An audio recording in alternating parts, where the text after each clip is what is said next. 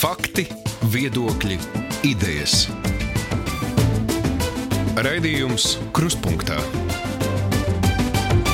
ar izpratni par būtisko. Kruspunkta studijā Aits Tomsons. Labdien! Mēs vakar atcerējāmies Baltijas ceļu jubileju. Nu, jau ir pagājuši vairāk nekā 30 gadi, kopš latvieši, igauni un lietuvieši sadavušies rokās un demonstrēja savas ilgas pēc neatkarības. Pēdējās dienās televīzijas un arī datora ekrānos redzamais atgādina kaut ko pazīstamu. Atkal cilvēki stāv sadavušies rokās, atkal plīvo karogi. Tikai šoreiz tie nav Baltijas valstu, bet mūsu kaimiņu karogi. Tagad par savu brīvību cīnās Baltkrievi. Viņi to arī toreiz 90. gados izcīnīja, bet, nu, spriežot pēc radātā, to atkal vēlāk zaudēja. To, ko šobrīd redzam Baltkrievijā, varētu droši vien dažādi dēvēt, bet nu, jautājums ir, vai sadodoties rokās, joprojām var panākt kaut kādas pārmaiņas. Es esmu pārliecināts, ka uz šo jautājumu daudz šajās dienās meklē atbildes. Baltijas ceļā ar sadošanos rokās vien nepietika, sekoja arī tālākie notikumi. Un jautājums, kas gan nākamajās dienās sagaidāms Baltkrievijā? kam ir gatava mūsu kaimiņa tauta un par kādu vienotību runa ir tur.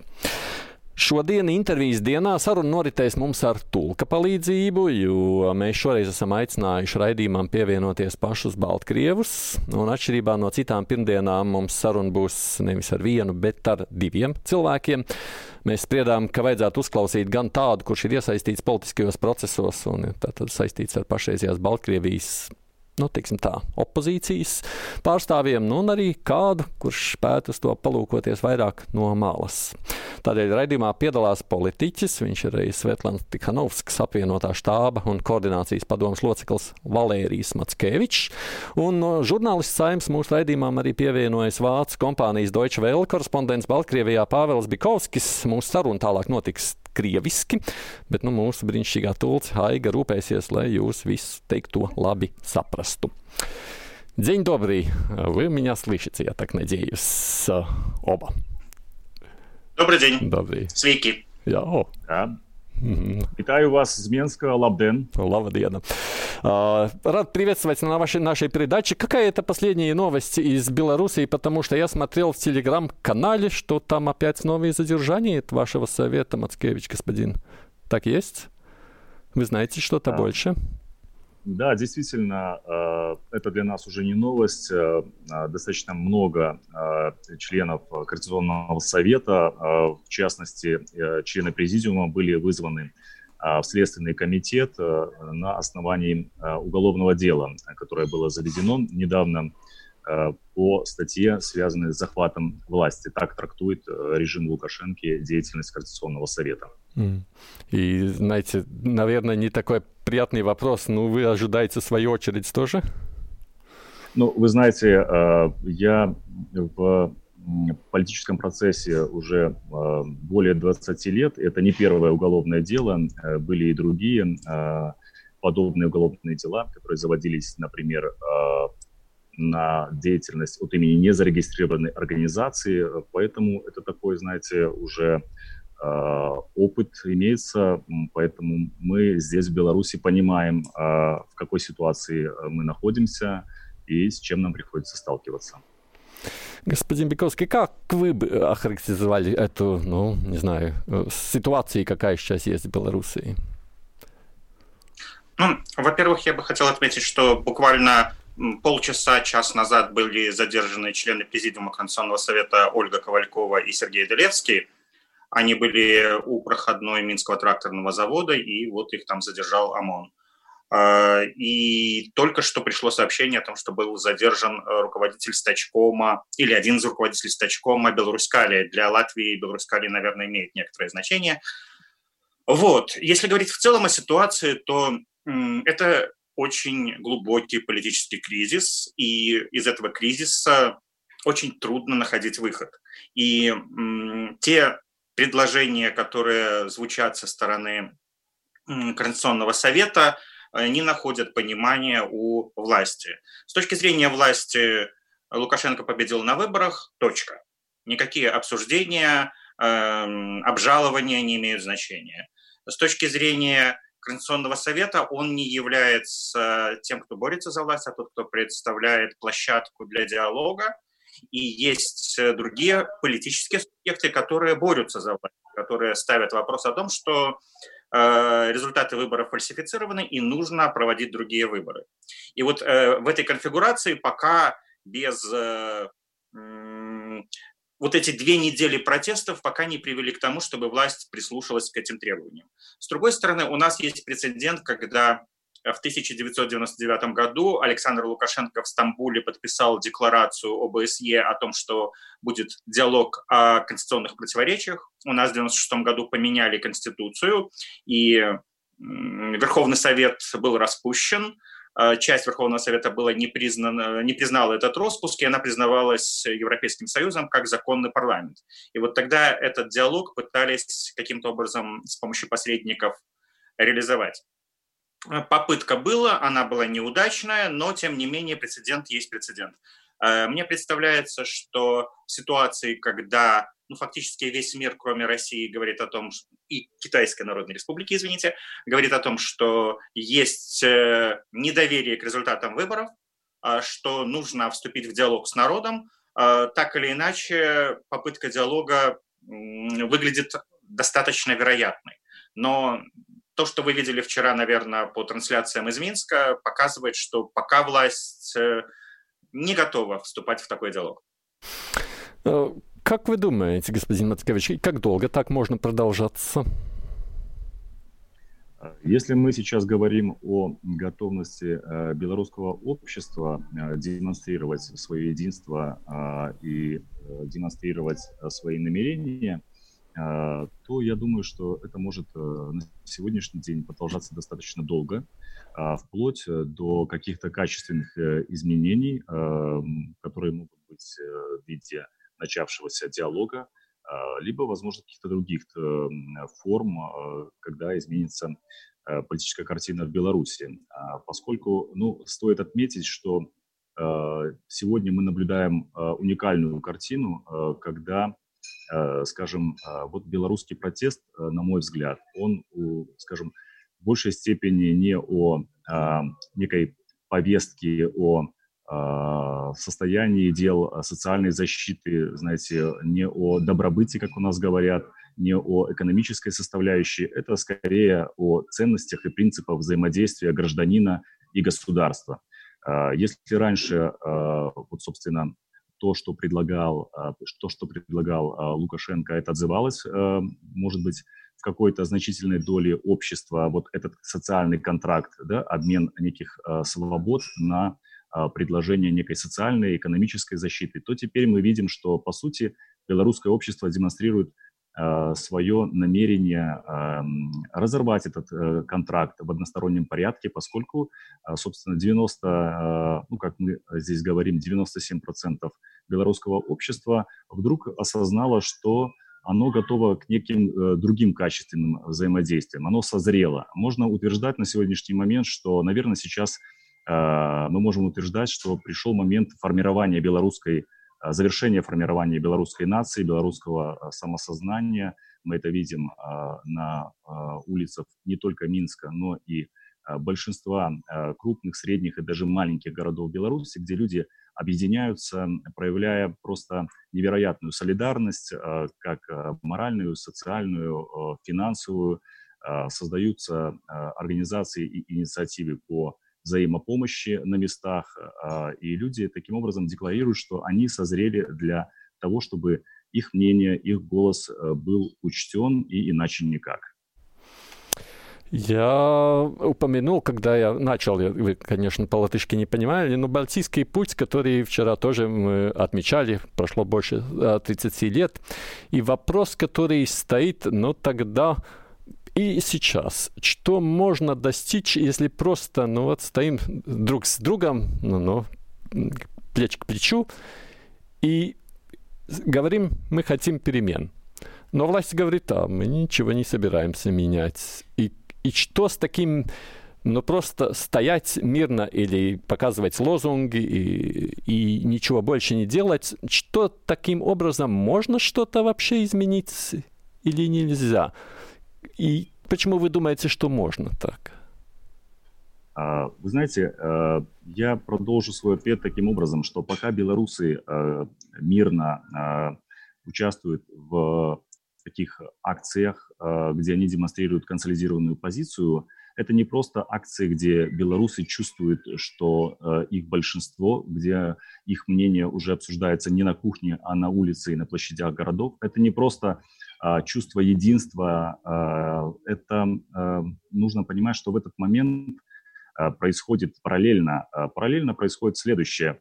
Мы все больше и больше видим представителей, вчерашних представителей власти, которые публично заявляют о поддержке э, позиции граждан, о, поддержке протеста, о поддержке смене политического уклада в Беларуси. Это и известные спортсмены, которые вчера были опорой, опорой власти вчерашнего дня. Это и работники, э, это и чиновники, это работники э, предприятий э, высшего среднего звена, это и силовики, которые открыто записывают в YouTube какие-то обращения о том, что к ним были те или иные приказы, которые они отказались выполнять. И все это влияет не только на имидж власти, но и изнутри подрывает, по сути, ее функциональное обеспечение. Как вы думаете, господин Пиковский, тот же самый вопрос? А, на самом деле я не настроен настолько оптимистично. Э, из-за отсутствия у нас э, социологии, независимой социологии по политическим вопросам, мы не знаем, Э, какая, какое соотношение людей, которые поддерживают Лукашенко и его противников. Мы знаем предыдущие опросы. Мы имеем определенное представление о том, сколько людей выходит на митинги. И вот по данным МВД на митинги выходят люди в 55 городах. Э, данные об участниках МВД говорит удивительно малые. Там, например, они говорят, что было 20 тысяч э, там, где Эм, все говорят другие, что это было или 200 тысяч, или 250 тысяч. Но охват городов показывает, что, в принципе, действительно, вот как говорил коллега, э, протесты охватили всю Беларусь. Но это не значит, что э, власть действительно будет вынуждена реагировать на эти протесты, если протесты э, выдохнутся. А это вполне возможно. Невозможно протестовать бесконечно. И если брать о наемных работниках, а у нас речь идет в первую очередь о наемных работниках, э, у них обычно нет подушки безопасности, и они могут продержаться очень короткое время. Да, есть программы, которые разрабатываются для помощи бастующим, но и даже забастовки – это вещь, которая не полностью охватила всю страну. Э, речь идет о том, что на предприятиях есть бастующие и есть работающие и есть итальянская забастовка и прочее, прочее. То есть картина намного сложнее.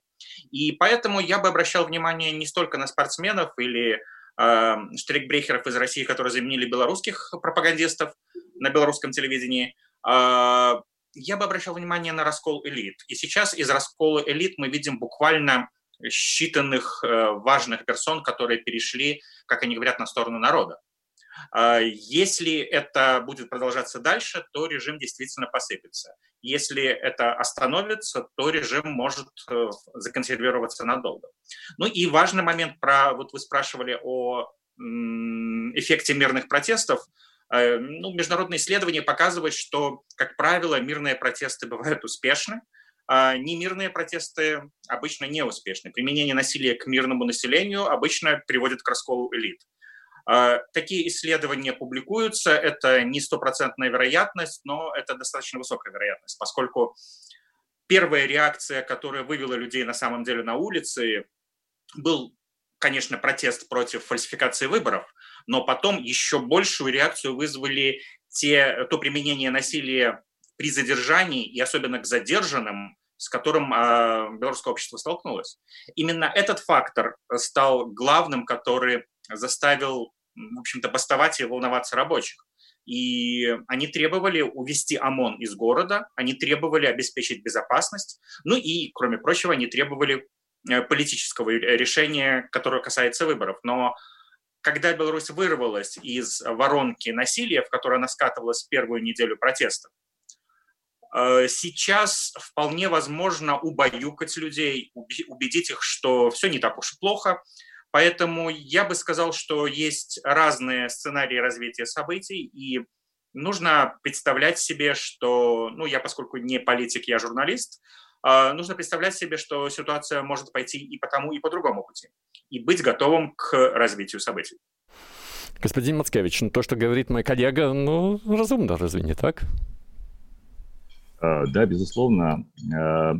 Дело в том, что э, нам, как политикам, нужно просто... Э, мы вынуждены быть э, оптимистами, при этом, конечно, ссылаться на объективную и аналитику, и трезво оценивать ситуацию, но для того, чтобы достичь правильных целей и отстаивать интересы большинства граждан, мы обязаны быть настроены оптимистично. И, конечно, сценарии могут быть какие угодно, но, как правильно заметил коллега, мирные протесты, они действительно, как показывает история, имеют э, наиболее, наиболее а, ну, скажем, высокий а, положительный эффект. И мы понимаем, что сейчас, э, скажем, не те времена, когда есть смысл для того, чтобы повлиять э, кардинально на ситуацию, проявлять ну, какую-то силу на улице, и мы как раз-таки противники такого сценария. Мы все-таки верим в то, что когда белорусское общество демонстрирует скажем, вот эту волну и этот масштаб протеста, поскольку пропаганда, она всегда пытается нам сказать,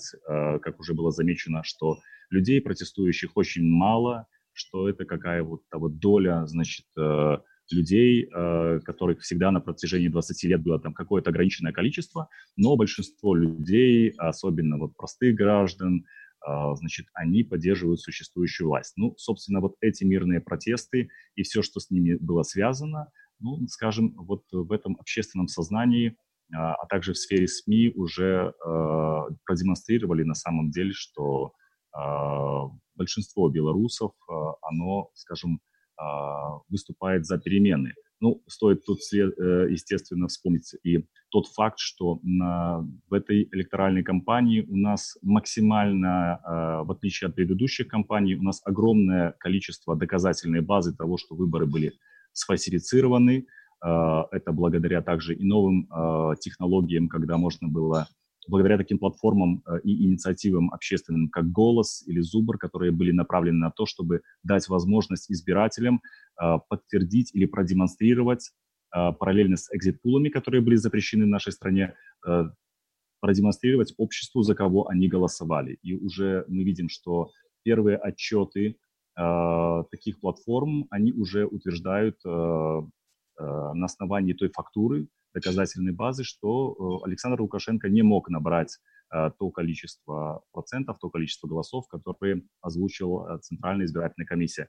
Наряду с этой доказательной базой у нас огромное количество других фактов, которые демонстрируют о том, о вопиющих нарушениях. Это и видеозаписи из территориальных избиркомов, и из местных комиссий, где просто видно и слышно, как люди дискутируют на то, какой э, протокол показывать э, гражданам э, с настоящими цифрами или с цифрами, которые были приготовлены заранее. И вот, собственно, это все обнародовано, это все теперь очевидно. Такого раньше не было. Раньше у нас были какие-то осколочные факты нарушений. Мы понимали, что не подпускают к подсчету голосов наблюдателей. Да, была масса нарушений, да, у нас э, не включали в комиссии представителей от э, оппозиции, но скорее тут было, скажем, э, недостаточно фактуры. На этих же выборах мы просто имеем беспрецедентные, так сказать, доказательства того, что выборы сфальсифицированы, и цифры, которые нам обнародовали, они не соответствуют действительности. Э, коллегу хочу спросить. Ну, видите, есть информация, вот то, что говорит господин Мацкевич, и есть информация, которая, наверное, еще показывает вам государственные СМИ. я, как понимаю, это очень отличается от того, что мы говорим здесь сколько людей э, ну, ну, достают правдивую информацию, по вашему мнению? И сколько все-таки еще живут только тем, что видят а, в официальных СМИ? Ну, смотрите, в Беларуси 7 миллионов избирателей, на самом деле чуть-чуть меньше цифра, и больше половины этого числа люди пользуются интернетом, Соответственно, эти люди пользуются интернетом, конечно, в разной степени. Кто-то более активно, кто-то менее активно.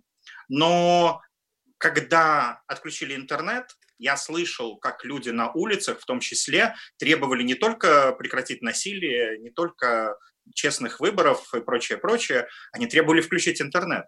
Эм, гудки на улицах, которые люди слышали, э, взрывы светошумовых гранат, которые люди слышали, они лучше донесли информацию, ну, впрочем, как и само по себе отключение интернета, что что-то в стране происходит не так, и не нужно верить тому, что по телевидению рассказывают, что все в порядке.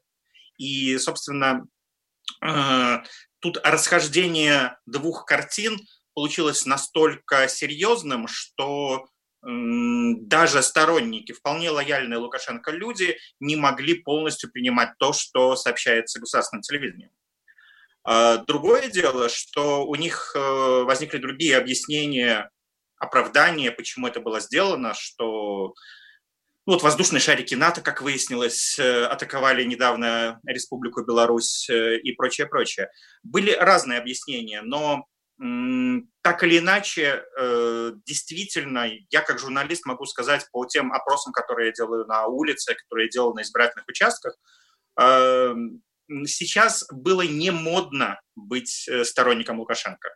Я фактически для того, чтобы сделать Vox Populi, для того, чтобы сделать э, баланс мнений, э, не нашел людей, которые бы выступали за эту позицию. Нет, я знаю, куда нужно прийти и обратиться и найти.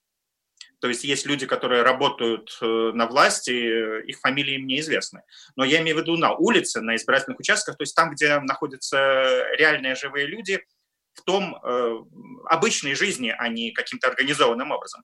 Это свидетельствует о том, что когда-то популярный президент Александр Лукашенко потерял популярность. Насколько сильна его поддержка, я повторяюсь, мы не знаем.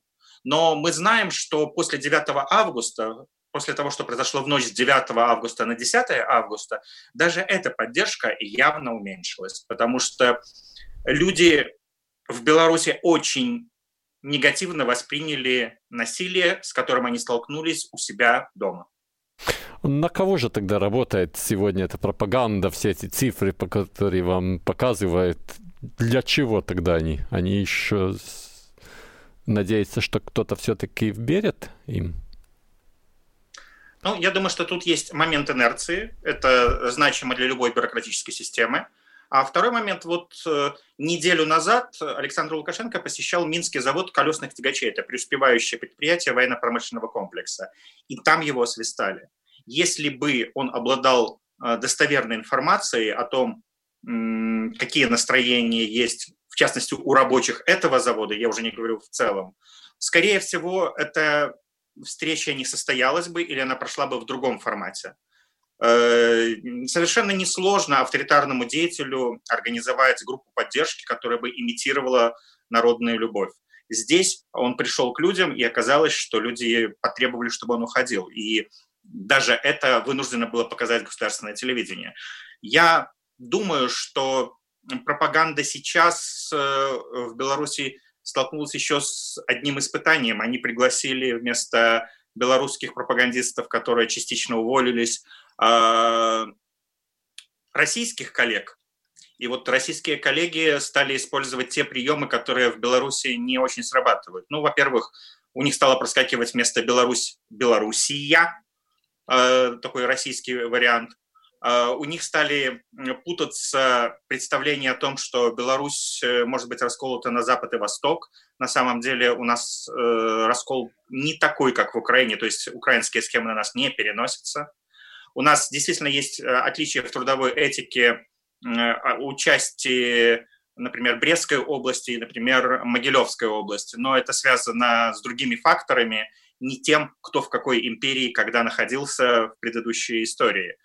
Э, те 10 или 20 лет, э, которые отсутствовала советская власть в Западной Беларуси, они просто в меньшей степени травмировали население, в меньшей степени э, эта территория была атеистичной, но это не настолько сильно раскололо людей. Граница вообще-то тогда проходила в 1939 году возле Минска.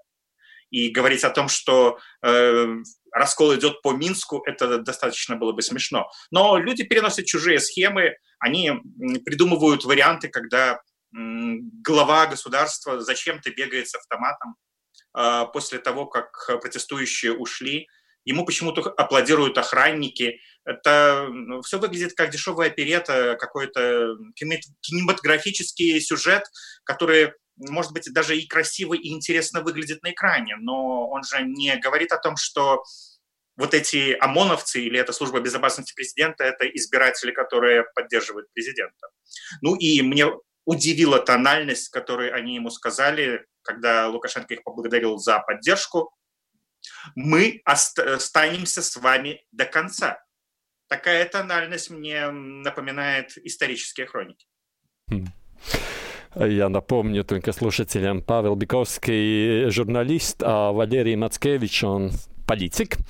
А, насчет политики. Господин Мацкевич, оппозиции, по-моему, до сих пор все время так а, очень внимательно относилась к ну, рус, российской тематике, старалась, в принципе, ну, быть очень нейтрально насчет России, если правильно я вас понимаю. Почему?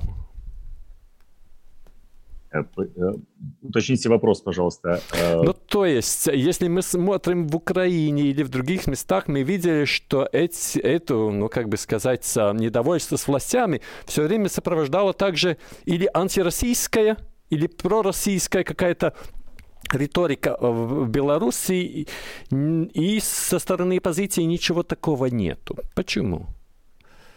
А, ну, давайте начнем с того, что э, в этой э, предвыборной кампании, э, опять же, сложилась уникальная картина, когда, э, скажем, политическую нишу э, национально, э, так сказать, национально ориентированного кандидата или, так сказать, э, русофоба, может быть, даже э, занял э, действующий или, скажем, э, вот тот человек, который последние 26 лет у власти, Александр Лукашенко. И это было очень, э, ну, с одной стороны, ожидаемо для многих, потому что у него больше не осталось никакой карты, которую он бы мог разыграть.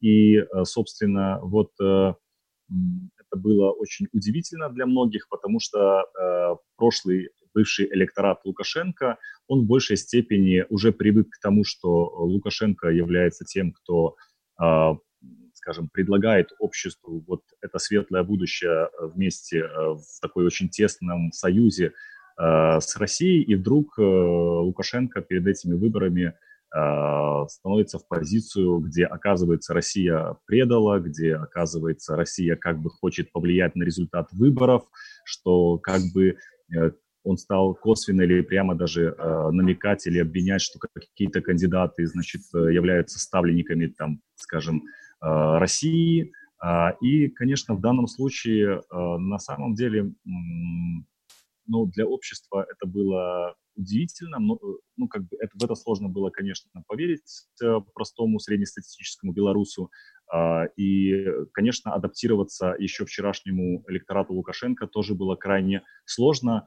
А, собственно, я думаю, с этого все и началось, когда Лукашенко запутал, наверное, своей какой-то политической повесткой, в том числе и собственный э, электорат. Э, вот. Все это, э, конечно, поменялось. Лукашенко умеет переобуваться в процессе. То есть, если вначале Россия была в роли как бы врага, от которого он защищался, после враги стали со всех сторон. Он говорил о том, что ветра дуют со всех сторон, из запада, из востока пытаются, значит, повлиять на ситуацию, то теперь он, конечно, уже пытается разыграть другую карту, э, другого внешнего врага.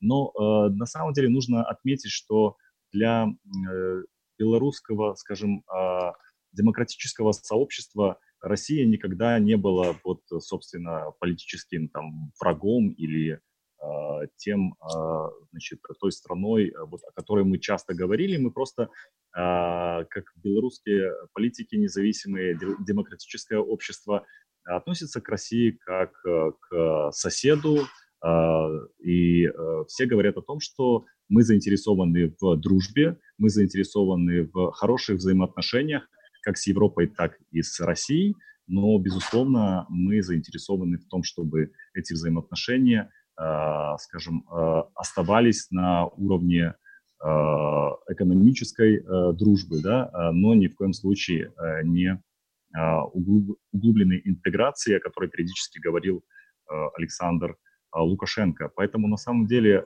то, что, может быть, вы знаете о том, что, скажем, оппозиции, белорусская оппозиция, это также может быть часть пропаганды скажем, действующей власти, которая гипертрофировала те или иные доводы или позиции своих оппонентов.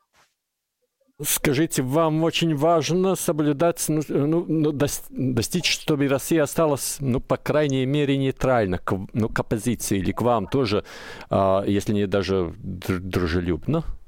Потому что... Ну, зна... ну. Вы знаете, э, скажем, действующая власть э, Лукашенко, который сейчас, собственно, э, громко говорит о том, что э, целью э, скажем, Координационного совета в том числе является, значит, э, в дальнейшем, чтобы каким-то образом э, повлиять на то, чтобы русский язык не был так э, в Беларуси использовался там, скажем, или в том, что целью оппозиции является выход из той формы союзного государства, которая сейчас существует. Мы просто видим смену риторики, это часть пропаганды, часть его нарратива, это привычно для нас – но это никаким образом а, не является частью какой-то действительности или политической реальности. Я уверен, что в России также это все понимают.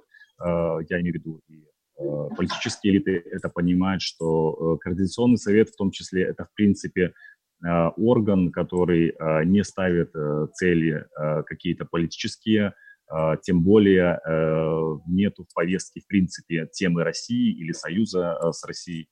Но если мы говорим о а, в целом настроениях э, белорусских, э, скажем, продемократических сил, абсолютно никакой антироссийской риторики э, нету. Есть только, естественно, понимание, что скажем, мы заинтересованы в добрососедских отношениях э, со всеми, в том числе и с э, Россией. Господин Бековский, э, насчет России до сих пор, кажется, она сохранила такой более или менее авторитет, а, а, нейтралитет. В то же самое время вы там рассказали про пропагандистов, которые, кажется, из России приехали и остальное. Как вы думаете, какая же будет дальше, э, ну, как будет отношение с Россией э, на, на все то, что происходит в Беларуси э, в ближайшие, не знаю, месяцы? Смотрите, только что Сергей Лавров, министр иностранных дел России, процитировал тот фейк, который приписывается политическому совету, созданному Светланой Тихановской, о том, как будет меняться Беларусь, ее геополитические выборы и прочее, прочее. Речь идет о публикации заместителя председателя партии БНФ Алексея Янукевича, который не имеет отношения э, ни к программе Совета, у Совета нет политической программе, не опубликован ни на сайте Совета, ну, это никаким образом не связано. Ну, то есть, если Лавров это цитирует, то, наверное, у него была какая-то цель. С другой стороны, мы видим, что Дмитрий Песков, э, голос Кремля, говорит о том, что протесты в Минске проходят мирно, и это очень важно, и он надеется, что они и дальше будут мирными. Мы можем обратить внимание, что э, российские информационные агентства, я не говорю о пропагандистских каналах телевизионных, а именно информационных агентствах, они достаточно корректно в основном освещают происходящее в Беларуси.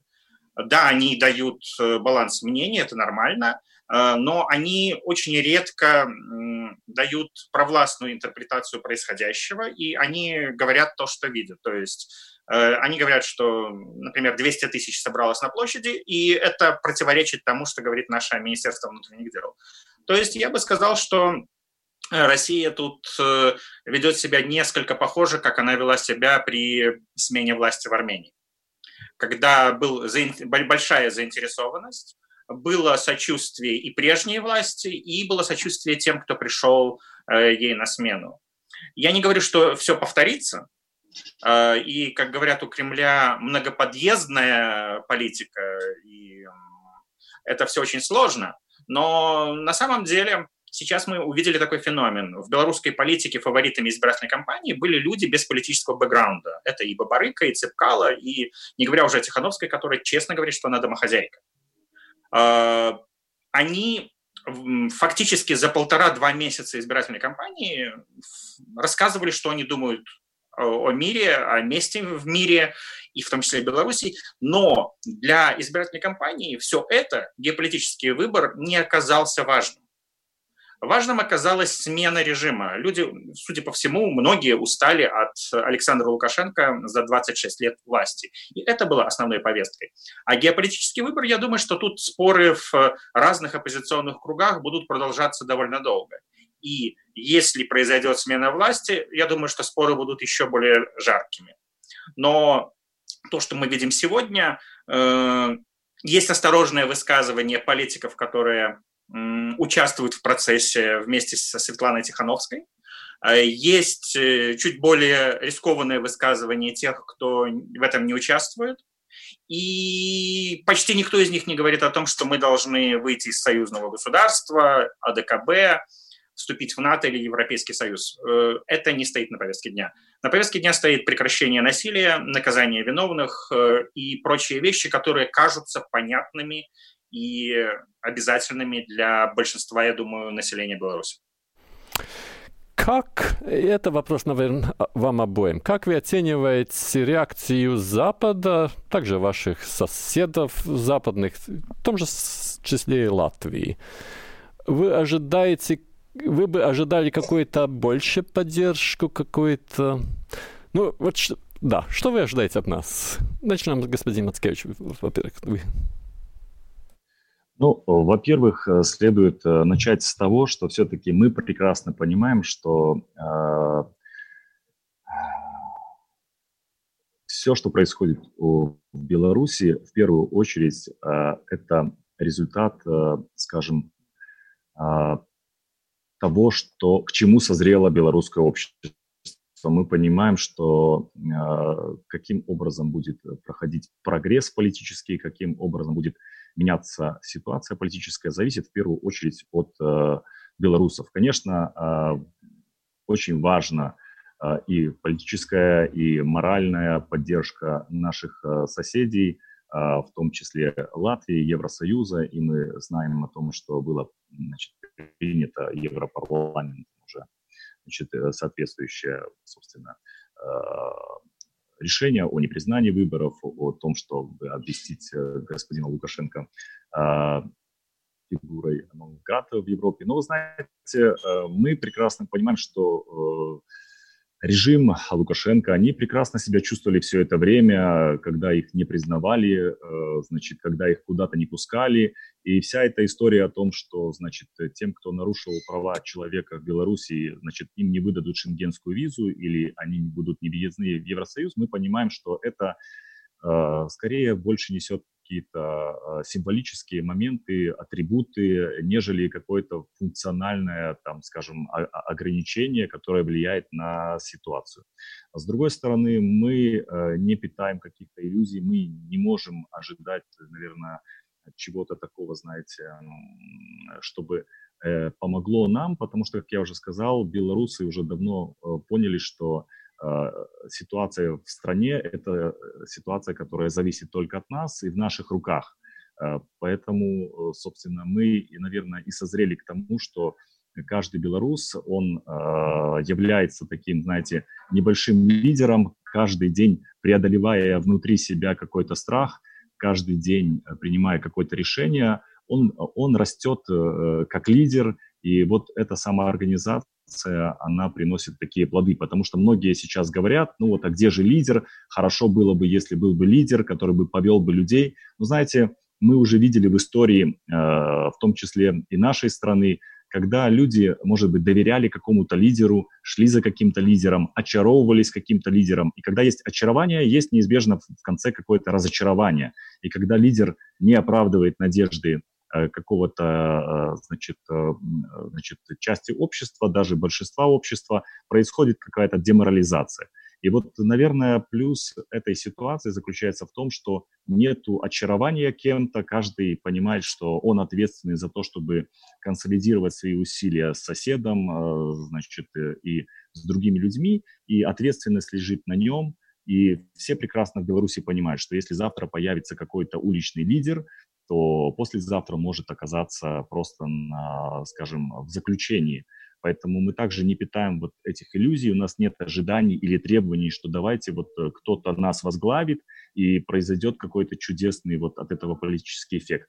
То есть, э, как сказал коллега, вот, собственно, эти мирные э, протесты в том числе привели к определенной реакции властей, а, а это, в свою очередь, вот это чувство осознания того, что происходит, привело в, то, в том числе к тому, что и журналисты, с, еще вчерашние э, пропагандисты, они стали увольняться, и, как мы знаем, вот эти российская, э, скажем, пропаганда, которая действительно такое ощущение, она настолько нелепо вписалась в белорусский нарратив, что несет абсолютно обратный эффект. Да? Они оказывают, в кавычках, такую наилучшую помощь, вот, собственно, мне кажется, помогают белорусскому обществу для того, чтобы, знаете, белое стало белым, черное стало черным, то есть это если говорить о, а, значит, э, об этой стороне э, внешней помощи, да, то есть э, Лукашенко пригласил российских журналистов, пропагандистов, чтобы они помогли ему, но такое ощущение, что они помогают белорусскому обществу,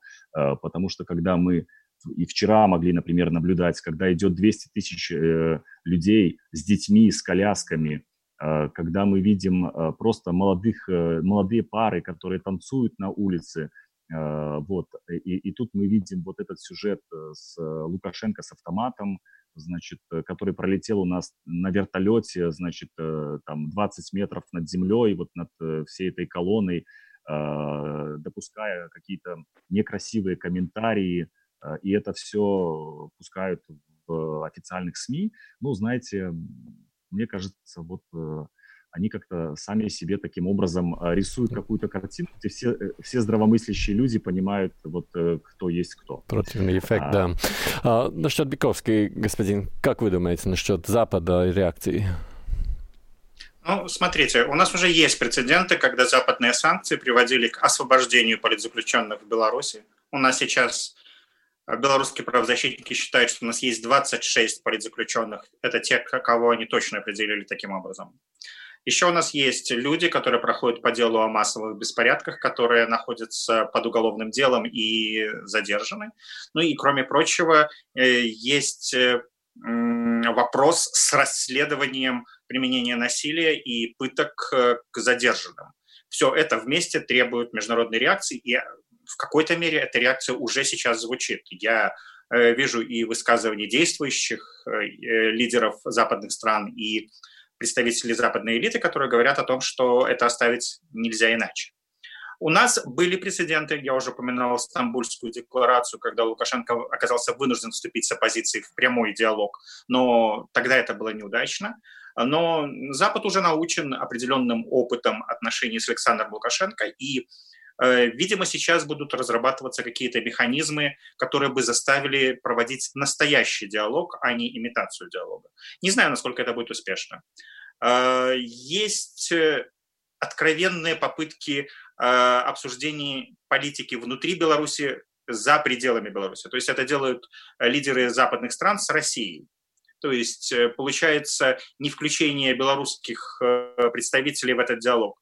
Это на данном этапе, наверное, избежать невозможно было бы, но в целом это напоминает историю очень больного для Беларуси рижского мира, когда э, советская Россия отдала белорусские земли Германии э, Таким образом была остановлена война. Но белорусская земля, ну точно так же, как украинская и другие земли, были, оказались по две стороны границы. И этот э, вариант, э, когда обсуждаешь что-то про нас без нас, он, наверное, неприемлем. Но э, в реальной политике все-таки такие вещи бывают, продолжаются, и я должен отметить, что в сегодняшней ситуации, когда белорусской власти очень нужен доступ к финансовым ресурсам, чтобы платить по долгам. Как белорусская экономика имеет открытый характер, и она вынуждена иметь отношения со странами-соседями, просто так отказываться от э, советов соседей, основных э, торговых партнеров любая белорусская власть не сможет. Ну а в данной ситуации власть, которая не имеет явной поддержки народа, также уязвима, у нее слабая позиция, и ей будет нужно каким-то образом решать этот вопрос. В принципе, любая военная диктатура стоит очень дорого. Да. Э, в этом ее у нас осталось только 4 минуты, поэтому пару минут каждому. Как вы думаете, как это все будет продолжаться следующие, не знаю, недели, месяцы. Вроде сначала, да, было очень а, так жестоко, потом все смирилось, были мирные протесты, но риторика Лукашенко вроде становится опять жестче. Как вы прогнозируете, что дальше? Хм. Господин Пиковский, начнем с вами.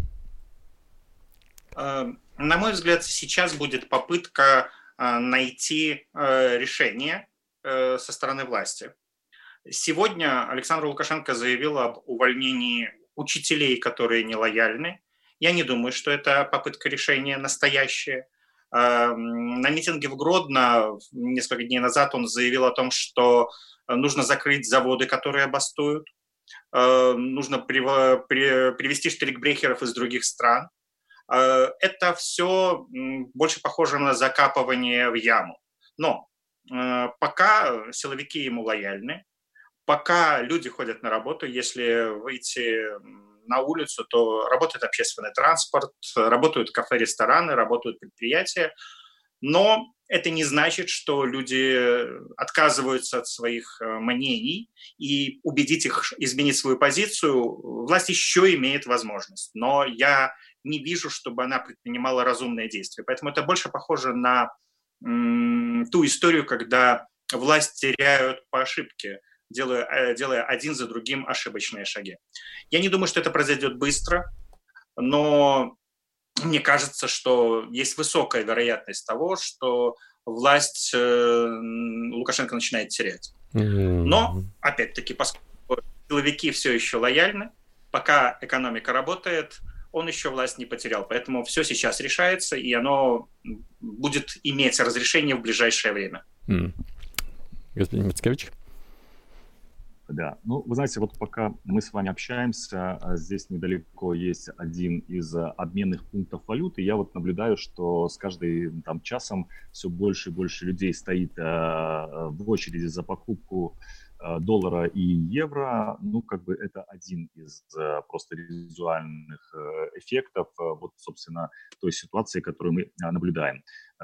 Плюс, что я хочу сказать, значит, э, эта неделя, знаете, это как шахматная партия. Тут очень сложно как-то прогнозировать, э, э, какие будет, будут эффекты, потому что это всегда взаимодействие. Что-то, э, какое-то, какое-то предложение, какое-то заявление будет от значит, Координационного совета. Каким-то образом на это отреагирует гражданское общество, как-то отреагирует власть. И вот знаете, как мы понимаем, что авторитарные режимы, они чаще всего падают не потому, что значит, у них не хватило каких-то ресурсов э, или э, по каким-то причинам, значит, они были очень-очень ослабшие, а по причине того, что они делали какие-то элементарные ошибки, очень рано кого-то посадили, очень поздно кого-то посадили, арестовали, не арестовали. Порой из двух, э, у них был выбор из двух ситуаций, каждая из них была хуже другой.